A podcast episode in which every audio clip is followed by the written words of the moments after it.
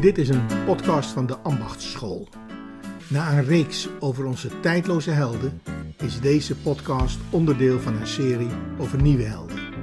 Helden die zich uitspreken over organiseren en veranderen van organisaties of over maatschappelijke thema's die daaraan raken. Hoe dan ook zijn ze voor ons een bron van inspiratie voor de gesprekken die wij daarover steeds in wisselende gezelschappen voeren. Wij zitten hier bij elkaar, allemaal in onze thuisstudio. Wij zijn Gertjan Schuiling, Paul Kloosterboer en Odette Moeskops. Alle drie verbonden aan de Ambachtsschool voor Organiseren en Veranderen. En wij maken een podcast over reflectie. Aanleiding waren de begrippen van Schoen, reflection in action en reflection on action.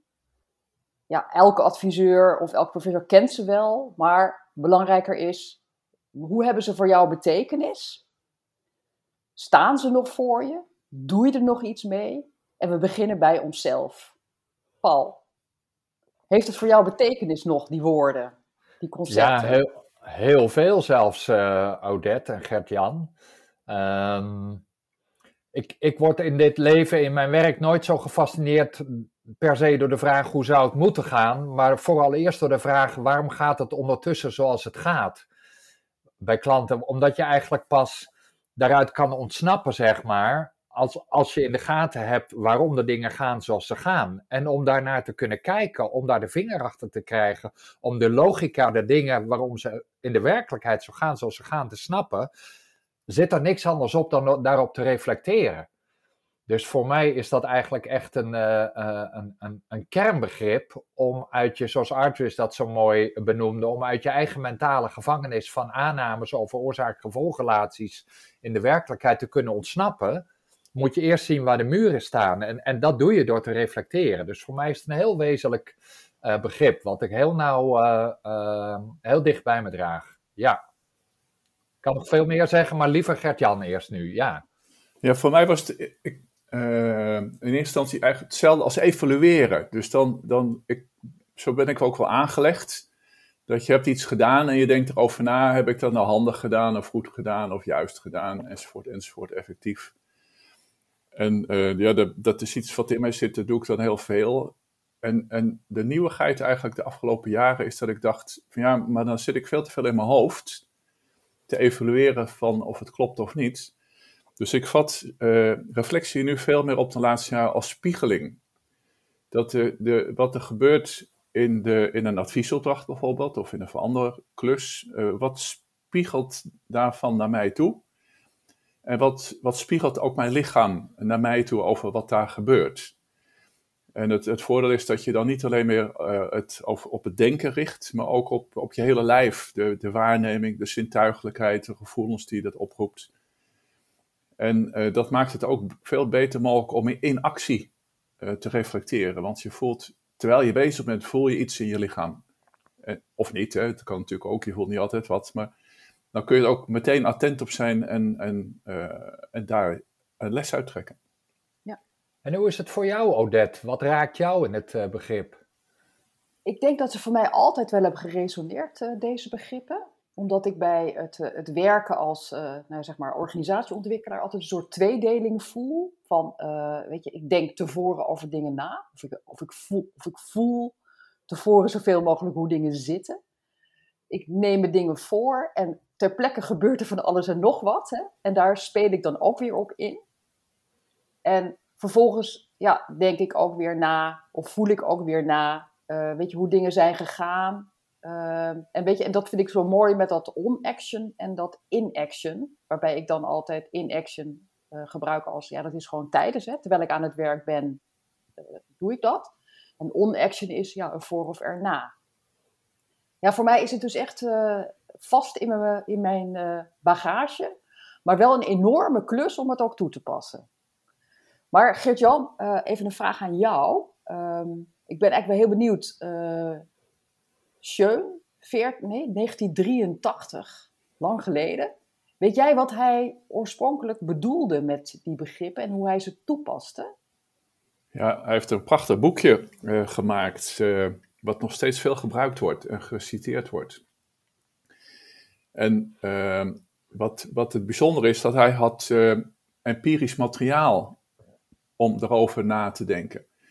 Dus hij had transcripties van gesprekken tussen een senior psychotherapeut en een junior psychotherapeut, of een senior architect en een junior architect. Zo uit vijf verschillende uh, beroepsgebieden.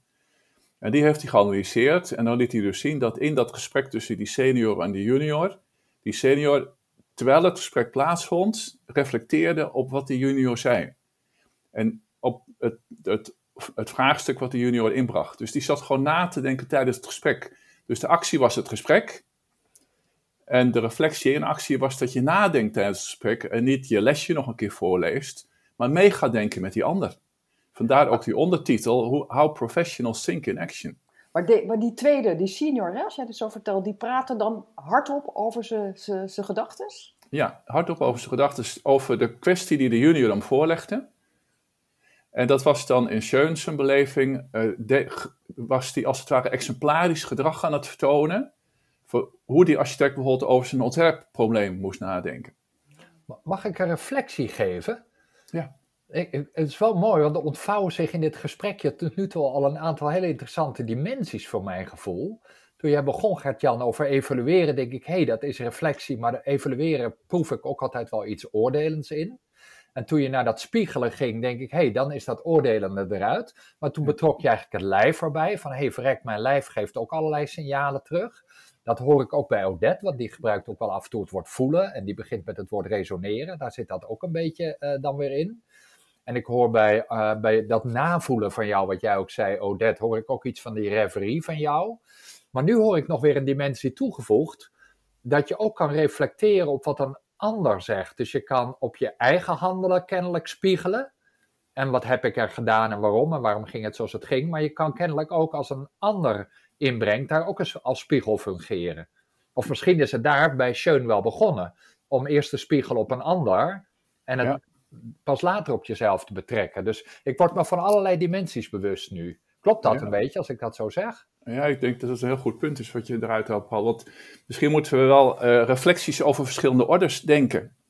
Uh, eerste orde, tweede orde, derde orde. Van, als het spiegels zijn, dan is wat, wat jij nu tegen mij zegt voor mij ook weer een spiegel op wat ik net zei. En dan is het feit dat je nu met je hoofd schudt, daar, daar, daar min of meer een bevestiging van, of niet, of dat je nu lacht.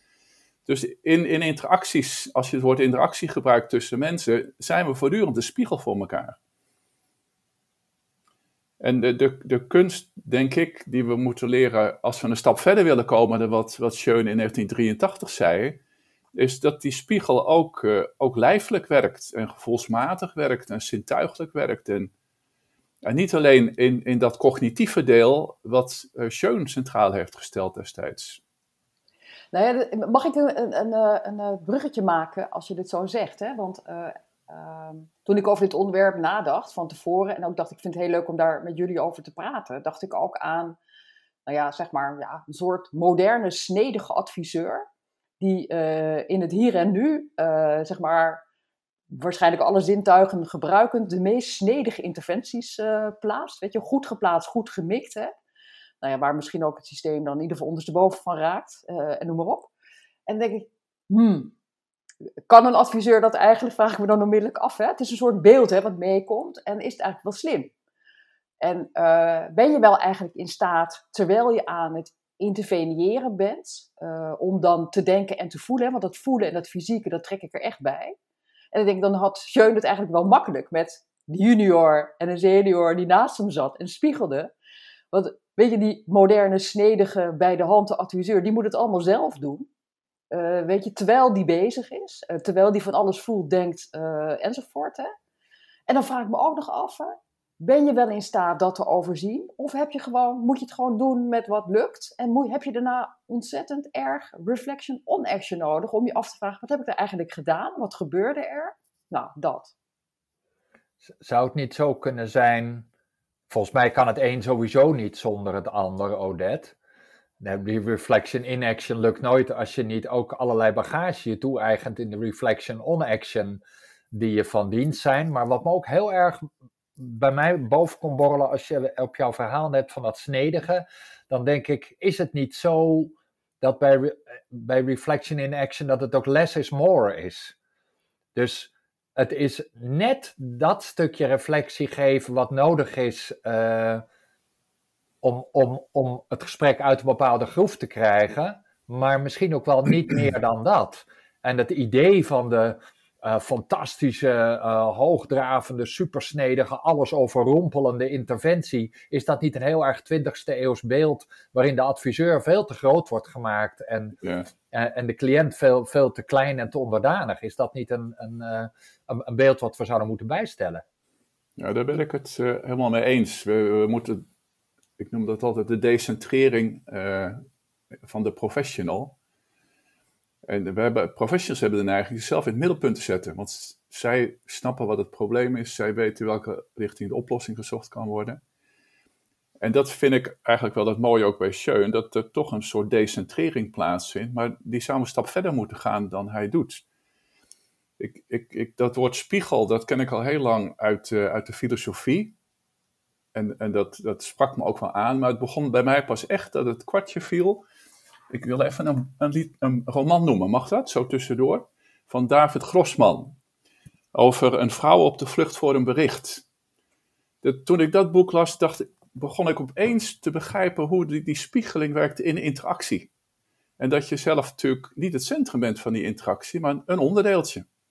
En wat jij doet, daar spiegelen die anderen weer op, is weer een spiegel voor die anderen. Wat die anderen doen, is weer voor jou. Dus dit, het, tragische verhaal van daar is, die vrouw is op de, vroeg, op de vlucht voor een, het mogelijke bericht dat haar zoon omkomt in de oorlog. Ja, dat is natuurlijk verschrikkelijk. En dan gaat ze het huis uit omdat ze niet wil blijven wachten tot de postbode op de bel drukt met dat bericht. En dan gaat ze wandelen in een natuurgebied in Israël.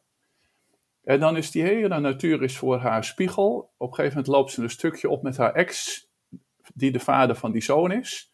En de, zijn verhalen zijn ook weer spiegel. En daar zit die decentrering fantastisch in, dat je jezelf als onderdeel van een heel web gaat ervaren, als je het als een spiegel ziet, in plaats van ik moet hier bewijzen dat ik een hele goede professional ben. Bij mij haakt die heel erg mis. Het komt bij mij op, Gert-Jan, naar jou luister, op het niet weten. Uh, ik merk dat mij ontzettend vaak de vraag wordt gesteld uh, of ik kan spiegelen of noemen welke patronen, uh, zeg maar, een bepaalde organisatie of groep daarvan last heeft, hè, of gemak. En dan kijk ik altijd, want weet je, ik ben ook echt oprecht ervan overtuigd dat ik pas na een tijdje, door samen met hen te puzzelen, daar misschien iets verstandigs over zou kunnen zeggen. Als ik al iets verstandig in de zin van dat ik meer weet dan zij, want zij weten veel meer. Maar het is heel moeilijk, weet je, om daar een soort acceptatie voor te krijgen. Weet je, dat je daar pas achter komt gaandeweg door samen te puzzelen. En ik koppel dat even aan reflection in action. Hè? En weer toch even aan die, uh, aan die, aan die meest snedige adviseur. Want die moet al, nou ja, ik weet niet hoe snel, uh, die moet eigenlijk dat al weten. Die moet dat is, weten voordat de groep in de Is dat niet een soort aangeboden plek vanuit de cliënt? Zoals cliënten heel noemen. veel plekken aanbieden. Van wil jij de superman of supervrouw zijn die ons even spiegelt? Want dan hoeven wij dat niet te doen. Terwijl wat wij eigenlijk met ja. z'n drieën hier zeggen is van misschien zijn wij veel eerder voorganger in het land van niet weten, maar door wel resonanties in je lijf of, of onsamenhangende gedachten, maar die uh, wel uitgesproken dienen te worden. En dan voorganger te zijn om verkenningen en ontdekkingen te doen in dat land van niet weten, waar die klant vooral in moet meedoen, want anders kom je nergens. Ik, ik zou Alleen, dat, ja, Nee, maar weet je, ik wilde zeggen, de plek der moeite hoeft dan niet te worden ingenomen door het sociale systeem zelf. Hè? Dat doen wij dan. En jij noemt dat voorganger uh, enzovoort. Want ik denk dat we dan hetzelfde bedoelen, Paul. En dat is dus echt een klus. Althans, zij zoeken een manier om die plek der moeite bij ons neer te leggen. En volgens mij hoor ik ons zeggen dat we die plek der moeite willen terugleggen en samen willen betreden. Dat wij daar best in willen voorgaan, maar wel om hun mee te nemen erin. Zeker, ja. Ja, en dat hoort dus niet bij de vraag: wat zie je ons nu doen? Kun je daar wat reflecties op geven? Ja, dan word jij op een enorme deskundigheidspositie neergelegd. Wat is inderdaad wel mooi, Paul noemt de aangeboden plek. En het, het lastige is, je kunt er ook niet niet zeggen dan. Als je hem aanneemt, bedoel je? Nee, nou, je wil die plek niet aannemen. Tenminste, jij ook niet, denk ik. En ik, ik, ik probeer hem ook steeds te vermijden. Omdat je weet op grond van ervaring, dat er een vacuüm is, anders hadden ze geen adviseur nodig gehad. En, en dat jouw taak dus niet is om dat vacuüm te gaan vullen, maar om een proces te creëren waardoor zij zelf dat vacuüm gaan vullen. Maar dat doet Sean dus wel, hè, als jij dat beeld geeft van hoe hij daar dan zit met die junior adviseur en die senior Ja. daarnaast. Ja. Eh, want dan vullen zij eigenlijk toch die plek in. Ja. En het tweede wat jij zegt als commentaar op Sean, eh Gert-Jan, eh, dat is, die, die vat de reflectie eigenlijk op als denken. Hè? Terwijl wij eigenlijk zeggen, er zijn natuurlijk veel meer zintuigen betrokken bij die reflectie. En misschien leven wij ook wel in een tijd, weet je, dat, eh, dat we veel meer waarde toekennen aan wat het lichaam aan reacties geeft. Hè? En dat dat betekenis, of zelfs sommigen Zeker. zeggen intelligentie zou zijn. Hè? Van dat het ook een soort weten vertegenwoordigt. Ja. Waar je misschien op moet handelen, maar waar je misschien ook later op moet reflecteren. Van wat voor weten zou dat dan eigenlijk zijn? En wat voor betekenis heeft dat weten dan? Wat, wat dat betreft, het, het, het begrip valt al bijna. Eh, omdat, eh, zeg maar, je had zo mooi, Gert-Jan, het woord hè, reflecteren, spiegelen.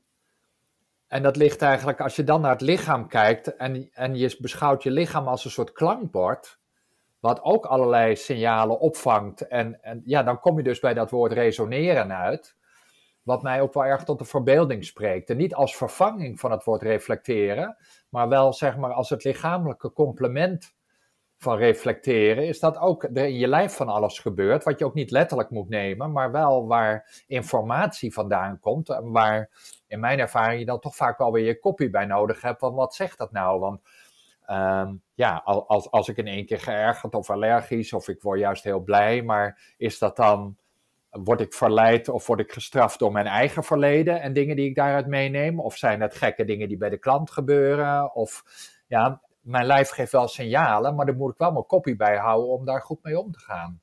Dus dat vind ik nog een hele extra dimensie, waardoor je met je reflection in een on-action ook weer keihard bezig bent. Om dat lijf erbij te houden. Ja, dus ik maak op dit moment onderscheid tussen de, de dialoog met de klant of met de ander, kan ik het zeggen, en de dialoog in mezelf. Dus het voorbeeld is het, het artikel over de, de enkel tijdens een adviesopdracht. Eh, een, een, een, de eerste ontmoeting van een klant met een nieuwe opdrachtgever loopt die ontzettend snel voor me uit een hele lange gang in. En ik heb op dat moment last van mijn enkel, dat, dat weet ik. En maar ik probeer natuurlijk het tempo bij te houden, want het, het is mijn eerste opdracht, het is mijn eerste kennismaking. Je wil adviseur, ik hoef niet per se snedig over te komen, maar ik wil ook niet meteen op achterstand lopen. En eh, dus je zet, je zet een tempo aan, haar tempo aan, en tegelijkertijd roept mijn enkel, auw! En, en ja, dat heeft u wel eens eerder geroepen. En ik heb ook wel ervaring dat ik soms dat oude negeren gewoon doorloop. En dan heb ik er dagen of weken last van. Dus op dat moment dacht ik, ik, ik negeer het nu niet. Dus dat is de innerlijke dialoog. En die innerlijke dialoog heeft helemaal niks te maken met die klant. Dus voor die klant ook niet interessant. Maar het feit dat ik op dat moment mijn enkel zijn zin geef en, en een trage tempo aanloop, creëert wel een conflict met die klant. Want die klant is al bij het eind van de gang als ik nog 10 meter erachteraan loop. Dat ziet ze natuurlijk en dat, dat roept een spanning op. Nou, dus innerlijke dialoog en uiterlijke en, en eh, sociale dialoog, als je het noemt. Volgens mij is, is, is dat spiegelen, die enkel spiegelt niet meteen die klant. Dus het, het zijn heel ingewikkelde eh, indirecte mechanismes die spelen. Precies. Het is heel Dus zeg maar gelaagd. Ja, dat gebaar zit jij nu te maken. Werken dat eens uit? Nou, dus eigenlijk wat, wat, wat ik proef is, is inderdaad die enorme gelaagdheid die erin zit. Gebeurt het, eh, reflecteer ik de klant of ben ik een, een innerlijke dialoog? Reflecteer ik zelf? Wat gebeurt er in mijn lijf? En dat kunnen, je kan bij wijze van spreken door, door, pijntjes en ongemakken, maar er gaan natuurlijk ook razen, ook allerlei gevoelens door je lijf. Waarbij je ook weer aan het ontwarren bent, wat is mijn en dijn? Ehm, er zit ook de laag volgens mij van de tijd in. Van gaat het over dingen uit het verleden die hier terugkomen? Of is het iets wat puur in het hier en nu wordt geproduceerd? Of zijn zelfs ang- angsten of blijde verwachtingen naar de toekomst die, ehm, die mij besmetten?